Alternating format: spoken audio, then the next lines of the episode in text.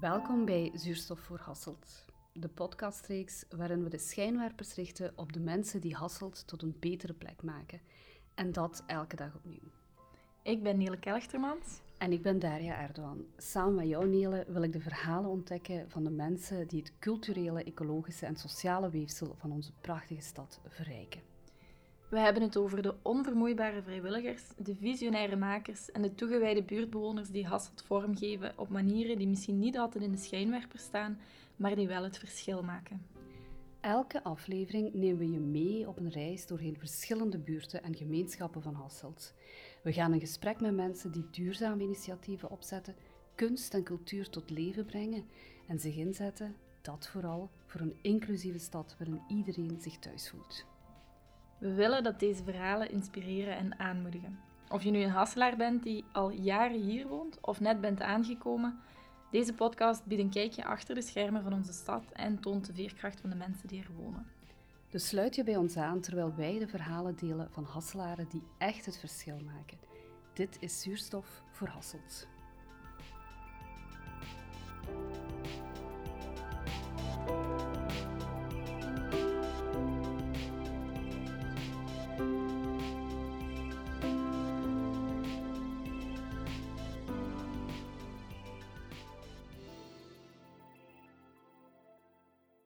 Ik ben Frederik Toele, ik ben nu twee jaar stadsbioloog hier in Hasselt. Mijn uh, gewone job is uh, bioloog in het Natuurhulpcentrum van Oudsbergen. Daar ver verzorgen we uh, zieke en gewonde wilde dieren die terug vrijgelaten worden en exotische dieren die bijvoorbeeld in beslag genomen zijn of zo.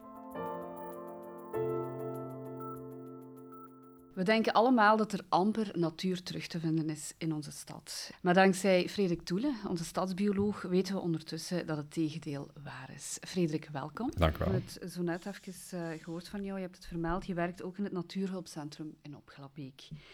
Ik weet dat we vanuit Hasselt, uh, dat jullie vanuit Hasselt ook heel veel gewonde dieren uh, ophalen of dat die daar binnen, worden binnengebracht. Wat zit daar bijvoorbeeld allemaal tussen? Uh, het laatste, heel toevallig, was gisteren een steenuiltje. Dat zat bij mensen in de kachel. Uh, dus dat was helemaal vol roet en die mensen hebben dat naar ons gebracht. En dat hebben we dan uh, goed proper geblazen met de haardroger, dat alle goed eruit was. Dus we hebben de, de steenul proper gemaakt en daarna hebben de, onze medewerkers zich mogen proper maken, want die zaten ook onder het roet. Maar dat is dus hier terug kunnen vrijgelaten worden. Dat is nu één voorbeeld, maar het gaat eigenlijk over van alles. Uh, reeuw af en toe die aangereden worden. Uh, maar natuurlijk, uh, de dieren die wij het meest binnenkrijgen, dat zijn de dieren die het dichtst bij mensen leven, want die hebben natuurlijk het meeste kans om gevonden te worden. En dat gaat dan over pimpelmezen, merels, steenmarters, uh, ja, dus de grotere dieren, soms everzwijnen op de, langs de Genkersteenweg bijvoorbeeld, als die aangereden worden, is ook al een paar keer gebeurd. Um, dus dat ga je eekhoorntjes, die, die hebben ook veel in Hasselt rondlopen, of egels. Er is een ziekte uh, die momenteel heerst over Vlaanderen bij de egels, en ook vanuit Hasselt zijn daar dieren binnengekomen. Uh, dus dat gaat eigenlijk, ja, uh, elk inheems wild dier dat je maar kunt indenken, dat, dat passeert ook wel eens Hasselt en dat kan dus in de problemen geraken. Dus dat gaat wel heel breed, ja. Vandaar, we krijgen redelijk veel patiënten en daarom dat ook wel, moet ik wel zeggen dat we blij zijn dat we van de stad Hasselt ook wel uh, wat steun krijgen om die dieren te verzorgen. Als mensen met uh, hun kat of een hond naar de dierenarts gaan, dan moeten ze uiteraard de rekening betalen als ze naar huis gaan. Ja, wij zijn een opvangcentrum voor wilde dieren. Wilde dieren zijn van iedereen en van niemand. Dus de mensen moeten natuurlijk niet betalen als ze bij ons toekomen. En dan hopen we natuurlijk uh, van overal een klein beetje steun te krijgen, zoals we dat van Hasselt krijgen. Dus dat is wel tof. Wilde dieren verzorgen, dat lijkt mij echt een droomjob. Vertel eens, hoe ben je daar eigenlijk terechtgekomen? Uh, initieel ben ik... Uh, ik kende het Natuurhulpcentrum van vroeger via, uh, via Dieren en Nesten. En die periode zat ik in het, laatste jaar in middelbaar onderwijs op uh, Jezu en, in Hasselt. En mijn leraar aardrijkskunde, Arjan, die droeg altijd een trui aan van het Natuurhulpcentrum. Die was daar vrijwilliger en ik had op vrijdag... Voor de speeltijd altijd aardrijkskunde en tijdens de speeltijd, Arjan was toen een jaar of drie ouder als mij, want ik was 18 en hij was voor aan 20. En uh, we bleven altijd babbelen en hij vertelde altijd over het natuurhulpcentrum. Toen zei hij, ja, je moet een keer meekomen. Ja, en dan ben ik een keer meegekomen en eigenlijk ja, nooit meer weggegaan.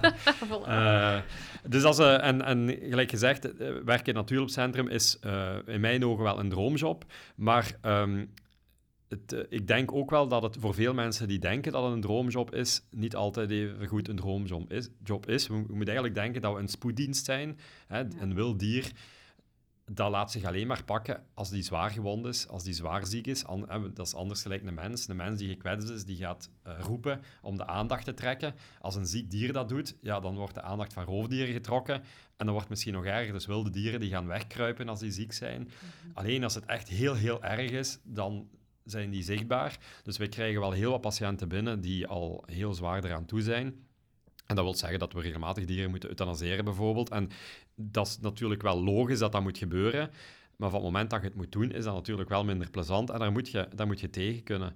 En uh, iets anders, en dat is, dat, is, dat is leuk en niet leuk. Hè. Ik zeg altijd, wat het leuk maakt in het natuurloopcentrum, is tegelijkertijd het frustrerende. En wilde dieren kunnen op de zotste momenten in de problemen geraken en op de zotste plekken. Dus dat maakt het natuurlijk leuk, omdat je nooit weet hoe dat een dag eruit ziet. Maar af en toe is het zelf ook wel frustrerend, omdat je niet weet hoe je een dag eruit ziet en dus moeilijk iets kunt plannen. Het kan goed zijn dat we aan de computer beginnen te werken en dat uh, een half uur later we op de baan zijn om ergens, ja, een, zeg maar iets ree uh, te vangen dat ergens vastzit in een tuin. Hè. Dat, nou, dat, is, dat is iets wat vaak gebeurt bijvoorbeeld. We krijgen 300 reeën per jaar binnen, dus dat wil zeggen dat we alleen al voor de reeën uh, 300 keer moeten uitrijden per jaar. Dus dat is, dat is bijna dagelijks. Of er is een vogel die in de schoorsteen zit, maar om dat veilig te doen moet je klimmateriaal hebben en dan moet je een opleiding volgen. Dat, dat op zich is al heel boeiend om, om zo'n opleiding te volgen, om dat te doen. Um, ja, ook heel leuk is dat we met, uh, ik denk dat we wel een heel sterk team hebben in het Centrum. Iedereen die is uiteraard een dierenliefhebber, want anders zou je, zou je zeker niet aarden bij ons. Maar uh, wilde ook echt wel die dieren helpen. Maar ook wel met genoeg realisme om te beseffen dat je niet elk dier kunt helpen. Dat is een, een, een grote valkuil in, in dat soort jobs. Hè. Als je te ver wilt gaan, dan is het ook niet goed. Zowel voor jezelf als voor de dieren is dat dan niet goed. Dus ik denk dat iedereen die bij ons werkt wel dat realisme heeft. Ja, en dan... Uh, en bijvoorbeeld uh, gisteren waren we een aantal transporten aan het regelen. We hebben dieren die naar Afrika gaan vertrekken. Dat is, daar komt veel papierwerk bij kijken. Dat is frustrerend soms. Maar natuurlijk, als je daar een paar weken mee bezig geweest bent en je kunt dan naar Zaventem rijden om uh, twee leeuwen op de vlieger naar Afrika te zetten, die dan van een relatief kleine kooi in natuurloopcentrum uh, naar een heel groot verblijf in, uh, in de Afrikaanse savanne gaan brengen. Ja, dat is natuurlijk wel heel leuk om dat te kunnen doen. Uh, of dieren. We zijn nu wat dieren gaan halen uh, uit Oekraïne. We zijn zelf niet naar Oekraïne gegaan, maar wel naar Polen de verhalen die aan die dieren vastkleven, dat is uh, te zot voor woorden soms. En uh, ja, die dieren die dan twee dagen daarvoor nog letterlijk de shrapnel over hen heen kregen van raketten die uit de lucht geschoten waren, die we dan bij ons een nieuwe thuis kunnen geven, tijdelijke thuis. dat is heel tof, niet alleen om die dieren te helpen, maar ook om die mensen te helpen. Want we krijgen soms wel die opmerking van, ja, maar die, uh, zijn die mensen daar niet veel belangrijker? En natuurlijk is het menselijk leed uh, veel erger en moet daar ook veel meer energie naartoe gaan. Maar dat zijn ook slachtoffers. En het zijn, het zijn de mensen die een beetje uit wanhoop onze hulp vragen. En ik ben ervan overtuigd dat als wij die dieren daar weghalen, dat dat ook wel een stukje hoop geeft aan die mensen ter plekke. Van kijk, ze zijn ons tenminste niet helemaal vergeten, uh, ons en onze dieren. Dus ik denk dat we daar ook wel, um, zonder daarin te willen overdrijven, maar ik denk dat we daar ook wel op dat vlak de mensen ook een beetje helpen. En ja, dat geeft natuurlijk wel heel veel, uh, heel veel voldoening. Maar over het algemeen gezien, uh, ik ben een, we krijgen heel wat exotische dieren binnen, wat, wat mooi is en zo, maar ik ben echt wel een liefhebber van de inheemse wilde dieren. Ja, en dan is natuurlijk het Natuurloopcentrum een droomjob, omdat je met heel veel aspecten daarvan te maken krijgt. En de problemen uiteraard waar die mee te maken krijgen, maar ook het onderzoek wat ermee gebeurt uh, en al dat soort zaken, dat komt er dan ook wel bij. Hè. Daar hebben we ook wel raakvlakken mee ja, dat maakt natuurlijk heel gevarieerd en heel, uh, heel plezant.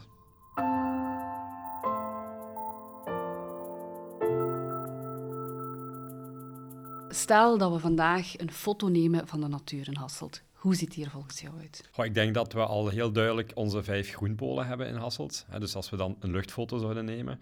Uh, dat zijn op zich eigenlijk afzonderlijk al heel mooie natuurgebieden. Ik denk dat iedereen die daar af en toe gaat wandelen, daar wel van kan meespreken. Dat dat echt wel mooie natuur is, ondanks het feit dat we dicht bij een, ja, een redelijk drukke stad zitten.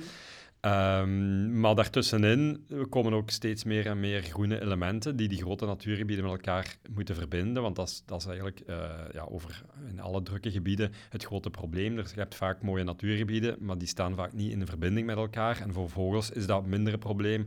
Maar voor kleinere dieren als insecten en, of zoogdieren is dat wel een probleem. En we krijgen meer en meer ja, kleine landschapselementen, kleine parkjes. Uh, het vernieuwde uh, stadspark is daar bijvoorbeeld een voordeel van, voorbeeld van. Dat is heel leuk voor mensen, maar ook dieren kunnen dat als een corridor gebruiken. Dus we kunnen natuurlijk niet zeggen dat uh, Hasselt in zijn heel topnatuur is, maar het wordt alsmaar beter. En ik denk dat er voor wilde dieren op dat vlak wel uh, heel wat mogelijkheden zijn in Hasselt. Dus ik denk dat we uh, wel de goede kant aan het op gaan zijn. Is dat een foto die bijvoorbeeld tien jaar of twintig jaar geleden misschien anders was? Of wat kan er nog beter vooral aan die foto in de toekomst? Hoe groener, hoe beter natuurlijk.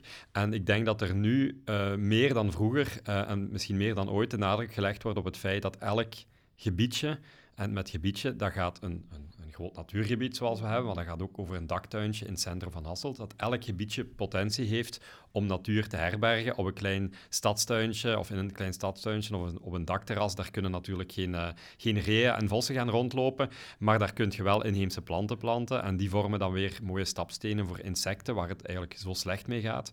En um, ja, ik denk dat we daar nog wel wat werk hebben, maar dat er al heel wat mooie stappen gezet zijn. Denk maar aan de, geveltuintjes en dergelijke. Dat zorgt er wel voor, en hoe meer mensen dat doen, en er wordt wel wat uh, ondernomen om mensen daarvoor te motiveren, ja, dat dat wel uh, heel mooie initiatieven zijn. En ik denk dat we daar zeker ook op moeten blijven inzetten om mensen warm te maken. Van kijk, uh, elk plantje dat door de tegels uitgroeit, heeft de mogelijkheid om een bijke te uh, te voorzien van nectar. En uh, ik wil het nu niet in het belachelijke trekken, maar zo is het eigenlijk wel. Iedereen kan daar zijn steentje aan bijdragen. Ja, dat klopt wel. Als we natuur zeggen, denken we altijd aan natuurgebieden. Hè? Aan de rand, meestal, van onze stad. Maar in de stad hebben we natuurlijk ook heel veel potentieel. Uh, bijvoorbeeld de aanvragen voor tegeltuinen, die boomen de laatste tijd. Hè. Mensen staan daarvoor open, ze beseffen dat kleine natuur ook heel waardevol is. Heb je bijvoorbeeld zo'n aantal vo voorbeelden van hoe we kleine natuur terug kunnen implementeren in onze stad? Um, in plaats van tropische bloemen op je terras kun je inheemse planten planten waar dat, uh, waar dat insecten tenminste iets aan hebben. Hè. Tropische bloemen zijn mooi, maar ook niet meer dan dat. Hè. Veel uh, insecten, of, of veel hebben insecten daar meestal niet aan. Dus de, de nadruk leggen op het feit dat inheemse inheemse planten echt wel mooi en goed zijn voor onze natuur, is heel belangrijk. Um, ja, we kunnen dieren ook een handje helpen door bijvoorbeeld uh, kunstmatige nestplaatsen aan te leggen. We hebben uh, vorig jaar gierzwaluwkasten opgehangen in het centrum van Hasselt. Ja, dat zijn allemaal heel kleine dingen, maar die zorgen er wel voor dat sommige soorten die anders geen kans zouden krijgen, toch wel kansen krijgen. Groendaken stimuleren, ook heel goed. Hè. Als we nu naar het luchtfoto van het centrum van Hasselt kijken, dan zien we al uh, verschillende mooie groendaken opduiken. Het kan beter, zeker. En we hebben daar nog heel veel werk aan. En mensen zien, beginnen daar de voordelen van in te zien. Niet alleen voor de biodiversiteit, maar ook voor hunzelf. Ik denk dan aan isolatie en zo bij die groendaken. Dus dat biedt voor de mensen zelf ook voordeel.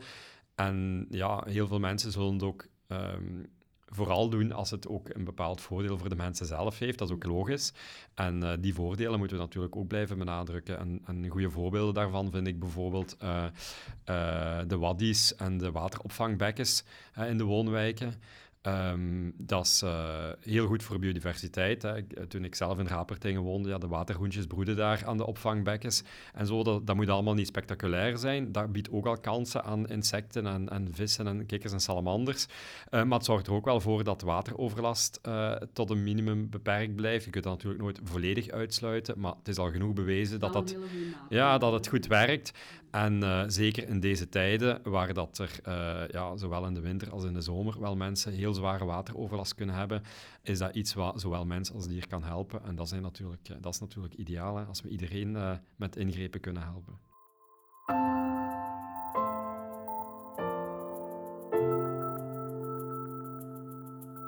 Wij uh, investeren inderdaad de laatste tijd in onze natuur. Veel in onze natuur proberen die te versterken. Uh, ook naar biodiversiteit toe. Dat zorgt er ook voor dat we nieuwe soorten aantrekken. Maar niet iedereen is daar altijd even tevreden mee. Dat zijn soorten nieuwe planten bijvoorbeeld, maar ook dieren. Hoe kijk jij daarnaar? We krijgen heel vaak de, de vraag om te bestrijden. Moeten we daarop inzetten? Ja, ik denk dat we vooral uh, moeten kijken. Meestal zijn het geen nieuwe soorten. Meestal zijn het soorten die lange tijd verdwenen zijn geweest vooral door toedoen van de mens, en die nu aan het terugkeren zijn. En dat is natuurlijk... Hè, Ik heb nu ehm, nieuwe soorten, daar, daar zou ik bijvoorbeeld onder verstaan Aziatische hoornaar. Een soort die hier niet thuis hoort, die hier nooit gezeten heeft, die door toedoen van de mensen hier terecht is gekomen. Ja, en dat zijn dan de, de invasieve uitheemse soorten. Ja, dat is een heel ander verhaal natuurlijk. Nee, dat is, dat is iets wat uh, voor mensen niet goed is en voor de biodiversiteit niet goed. En daar moeten we wel een stapje verder en harder gaan om die soorten, ja, hoe jammer dat het ook is, uit de natuur te halen. Maar als het gaat om ja, dieren zoals steenmarter, um, maar dat zijn allemaal soorten die hebben hier wel lange tijd gezeten, zijn ook lange tijd weg geweest. We hebben daar helemaal niet meer bij stilgestaan dat die dieren nooit zouden kunnen terugkeren. Die zijn nu terug. Dat wil zeggen dat een kooi voor kippen te houden of voor schapen te houden niet alleen meer dient om je schapen en je kippen binnen te houden, maar een kooi zal ook weer, of een omheining, zal terug moeten dienen om ook wilde dieren buiten te houden. En dat idee hebben we lange tijd vergeten. Dat was ook niet nodig. Maar ondertussen zijn gelukkig de wetten veranderd. Dat, we weten veel beter dat roofdieren belangrijk zijn in de natuur. In plaats van een premie als je roofdier doodt, krijg je nu een boete als je roofdieren doodt. Dus dat idee is gelukkig eindelijk helemaal veranderd.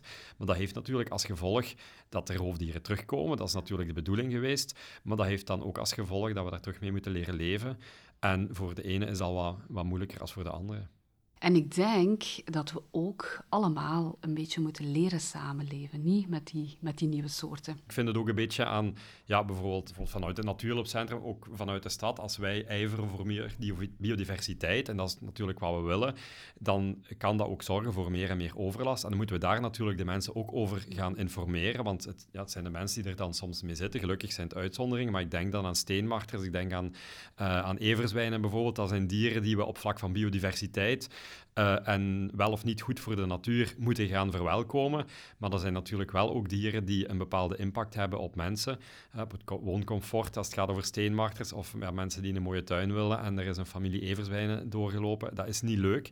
En dan is het wel belangrijk om... Um, ja, om mensen daarmee te leren omgaan. En ik vind het altijd heel belangrijk dat we lokaal moeten gaan kijken wat is nu de meest ideale manier om van het probleem af te geraken. Ik heb altijd een beetje mijn twijfels gehad over de manier waarop men bijvoorbeeld ging jagen op everzwijnen. Hè. Een drukjacht daar, wat jagen hier. En, men deed maar een beetje van alles. En uiteindelijk degene, uh, bleven de mensen de dupe zijn die hun hoop stelden in de jacht, terwijl de mensen die, um, die bijvoorbeeld preventieve maatregelen namen, meestal wel geholpen waren. Dat wil natuurlijk niet zeggen dat de jacht nergens een oplossing kan zijn. Dat wil ik ook niet zeggen, maar ik denk dat we heel lokaal moeten kijken van kijk, in die woonwijk bijvoorbeeld, waar dat everzwijnen komen, wat is nu daar de beste methode om van dat probleem af te geraken? Uh, zijn dat preventieve maatregelen, wat in mijn ogen meestal het geval is, dan zijn dat preventieve maatregelen. Soms moeten er everzwijnen gevangen worden. Uh, in zeldzame gevallen zal dat misschien wel schieten zijn, maar we moeten echt wel gaan kijken, wat is nu daar de beste methode om overlast te voorkomen?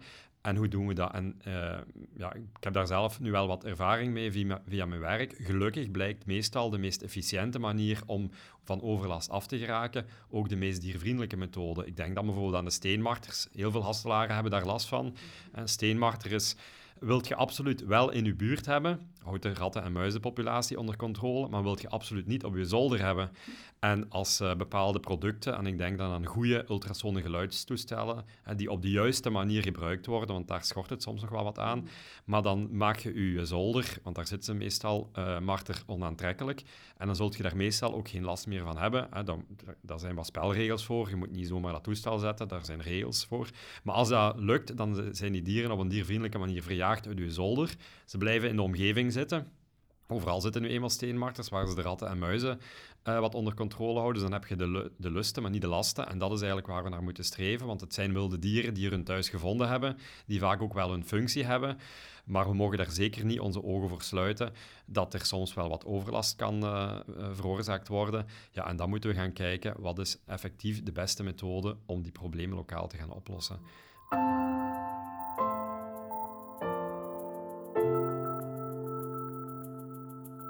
Frederik, ondertussen ben je twee jaar stadsbioloog. Hoe kijkt jij zelf terug naar die periode? Uh, ik moet zeggen dat ik een heel uh, leerrijke periode vond. Um, toen, toen, we begonnen met het concept stadsbioloog, toen, ja, het was een beetje zoeken, omdat we de eerste stad waren die, uh, die ging inzetten op een stadsbioloog. Dus dat op zich al, het feit dat een stad zich engageert om door middel van een stadsbioloog de, de, de natuur binnen de stad wat meer te laten uh, gekend worden door de mensen, vond ik zelf al wel een heel tof initiatief, omdat ik daar zelf, dat zelf ook wel belangrijk vind, dat mensen de natuur leren kennen. Ja, en we hebben doorheen de twee jaar toch wel van alle kleine en grotere dingen gedaan. We hebben heel wat filmpjes gemaakt over uh, de, de wateropvangen, groendaken, de, de, de, oude bomen, was ook heel leuk. Dan zijn we letterlijk uh, de boom ingegaan, van de grond gegaan. Ehm, en ik merk wel dat mensen dat ook wel dat ook wel een beetje volgen. Ik krijg daar eigenlijk veel meer dan ik gedacht had. Uh, opmerkingen over en, uh, en hoe is het uh, in de stad Hasselt en zo. Dus ik, ik, ik word daar wel opvallend vaak over aangesproken. Dus dan denk ik dat ik er wel van kan uitgaan dat ook dat ook wel wat gevolgd wordt uh, via de kanalen dat we onze dingen verspreiden. Dus ik kijk daar tot nu toe wel met een heel fijn gevoel uh, op terug. En uh, ja, ik hoop dat dat nog wel een tijdje kan verder gaan. Ja. Ah, ik ben heel blij om te horen dat je zegt, mensen vragen daar zelf achter, hè, van ja. hoe het met mij gaat en hoe de job meevalt. Want ik merk dat zelf ook. Als we samen ergens naartoe gaan, of dat nu een wandeling is, of, of een voorstelling van een park bijvoorbeeld, de maatregelen die we daar nemen, dan, dan merk ik echt dat je ongelooflijk veel fans hebt hier in Hasselt. Hoe kijk je daar zelf naar? Word je echt aangesproken op straat? Valt dat goed mee? Ja, ik, ik wil dat zeker niet overdrijven, maar ik word er wel regelmatig op aangesproken, zo in de winkel of zo. En ik vind dat wel tof, omdat het altijd gaat over... Uh, hetgeen dat mij interesseert. Ik, kan mij wel voorstellen, ik kan het mij niet voorstellen, maar als je dan een echte BV bent en ook over andere zaken wordt aangesproken, dan kan ik me voorstellen dat dat misschien wel minder leuk is. Maar als, het, als mensen mij aanspreken, ja. ja dan gaat het altijd over uh, stadsbioloog of over, het natuur, zo over dieren op zich en de natuur en de natuur in de stad en zo. Ja, en ik babbel daar graag over. Dat is hetgeen dat, dat ik als job doe, maar ook hetgeen dat mij interesseert.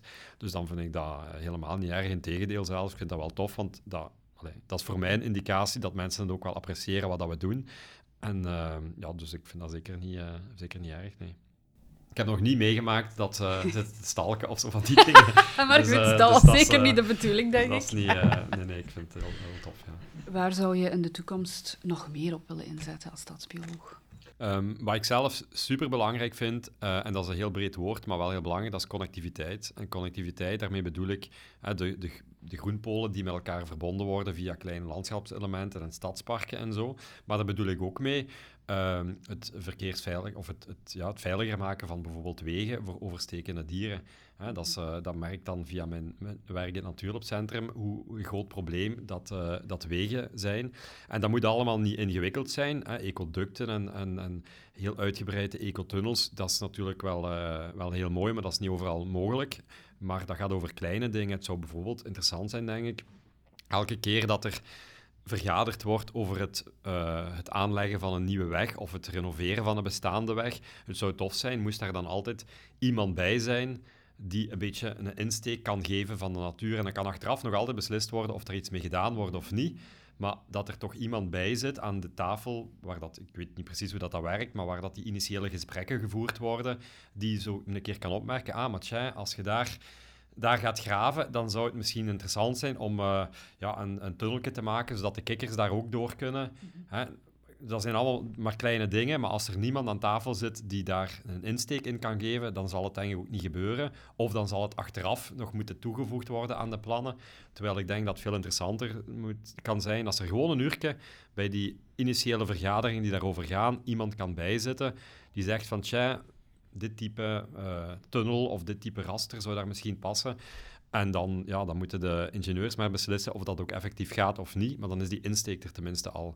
En uh, ik denk dat dat wel, uh, denk ik, relatief weinig moeite is, waarbij wel mooie resultaten te behalen valt. En dat valt in dat heel grote verhaal van die connectiviteit, waar we die tegeltuintjes ook al van hebben vernoemd, en de, de groendaken en uh, de waterbuffers en zo, dat, dat valt daar allemaal onder. Dat die uh, biodiversiteit makkelijker van punt A naar punt B kan gaan.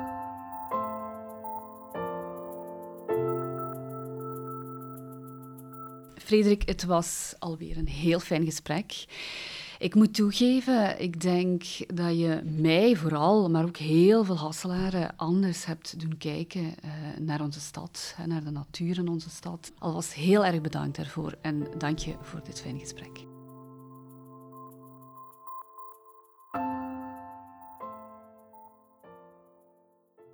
Bedankt dat je hebt geluisterd naar Zuurstof voor Hasselt. Wij hopen dat dit interview je heeft geïnspireerd en je kan aanmoedigen om zelf een verschil te maken in onze stad. Als je meer wil weten over de mensen en initiatieven die je in deze reeks hebt ontdekt, bezoek dan onze website voor aanvullende informatie en bronnen. Je vindt de link in de beschrijving van deze aflevering.